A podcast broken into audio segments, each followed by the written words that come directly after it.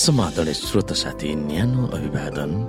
म उही तपाईँहरूको आफ्नै मित्र धनलाल राईको श्रोता। आज म तपाईँको बीचमा बाइबल सन्देश लिएर आएको छु। आजको बाइबल सन्देशको शीर्षक रहेको छ परमेश्वरको लक्ष्य वा मिसनमा लाग्न नचाहने बहानाहरू।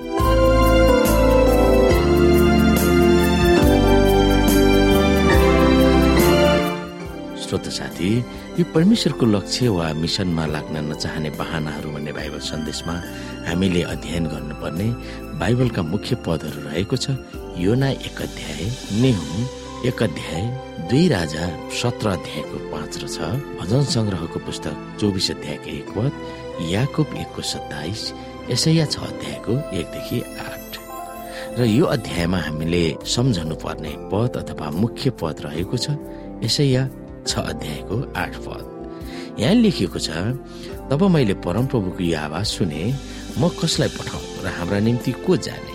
अनि मैले भने म हाजिर छु मलाई पठाउनुहोस्। श्रोता परमेश्वरले आफ्नो लक्ष्य पूरा गर्न बोलाउँदा सबैजनाले मान्नु नै परेको थियो भन्ने थिएन। यो न एक उदाहरण हो यो न एकको चार हामी हेर्न सक्छौ यहाँनिर।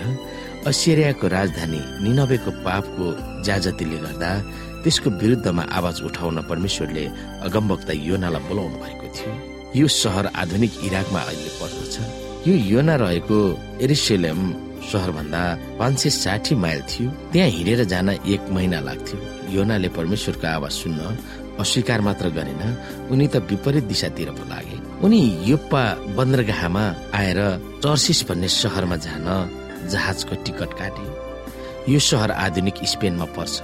मौसम अनुकूल भयो भने जहाजको यात्रा एक महिना लाग्थ्यो। यो यात्रा दुई हजार माइलको थियो।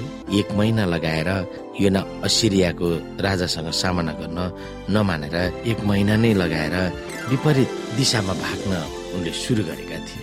परमेश्वरको मानिस भएर पनि उनले त्यो कदम किन चाले होला? निनवेका मानिसहरू अत्यन्तै दुष्ट थिए भनेर बदनाम कमाएका थिए। तिनीहरू खराब निष्ठुर र कठोर थिए। तिनीहरूले इसरायली र यहुदामा आक्रमण पनि गरेका थिए। त्यही पनि तिनीहरूको धेरै दुष्टताको विरुद्धमा आवाज उठाउन परमेश्वरले योनालाई हराउनु भएको थियो। जुन शब्दहरू परमेश्वरले सदम र गमराको बारेमा प्रयोग गर्नुभएको थियो त्यही शब्दहरू निनाबेका मानिसहरूको बारेमा पनि प्रयोग गरिएको थियो। तर योना अब्राहम थिएन। योनाको मनस्थिति कस्तो थियो?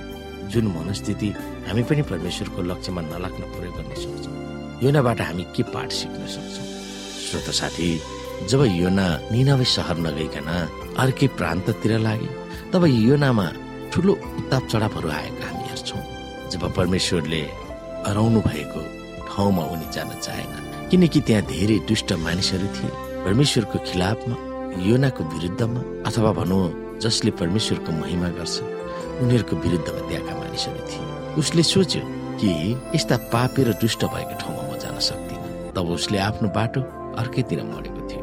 जबकि यो ना परमेश्वरले अराउनु भएको ठाउँ भन्दा विपरीत दिशातिर लागे तब उसले ठुलो एउटा चुनौतीको सामना गर्नु पर्यो। जब उसले जहाजमा यात्रा गर्दै थिए तब त्यो जहाज ठुलो आँधी बिहिरीमा गुज्रनु पुग्यो र आँधीका छालहरूले त्यो जहाजलाई पल्टाउनै लागेका थिए। तब त्यहाँका मानिसहरूले सबैले आफ्नो आफ्नो देवी देवता आफ्ना परमेश्वरहरूसँग प्रार्थना गरे।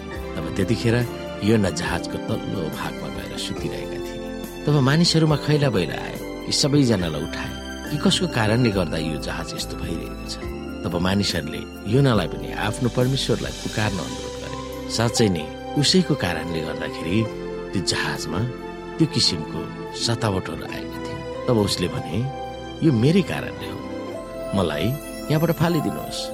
तब त्यहाँका मानिसहरूले योनालाई ती जहाजबाट फालिदिए। तब उसलाई ठुलो एउटा माछा आएर सर्लकै निल्यो।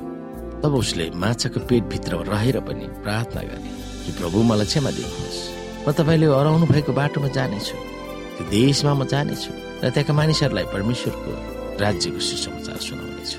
तब तिन दिनपछि माछाले बाहिर लगेर नदी किनारमा उक्लिदियो तब योना जुन परमेश्वरले हराउनु भएको ठाउँमा जान तयार भए श्रोता साथी परमेश्वरको लक्ष्य वा मिसनमा लाग्न नचाहनेहरूले धेरै बहानाहरू बनाउनेछन् र परमेश्वरले ती कुराहरूलाई विचार गर्नुहुनेछ अथवा हाम्रो बहाना परमेश्वरको योजनाको अगाडि चल्नेवाला छैन। परमेश्वर जे चाहनुहुन्छ त्यो पुरा हुनेछ। यिनी कुरामा हामी विचार गर्न सक्छौँ र योनाको कथाबाट पनि हामी धेरै कुराहरू बुझ्न सक्छौँ।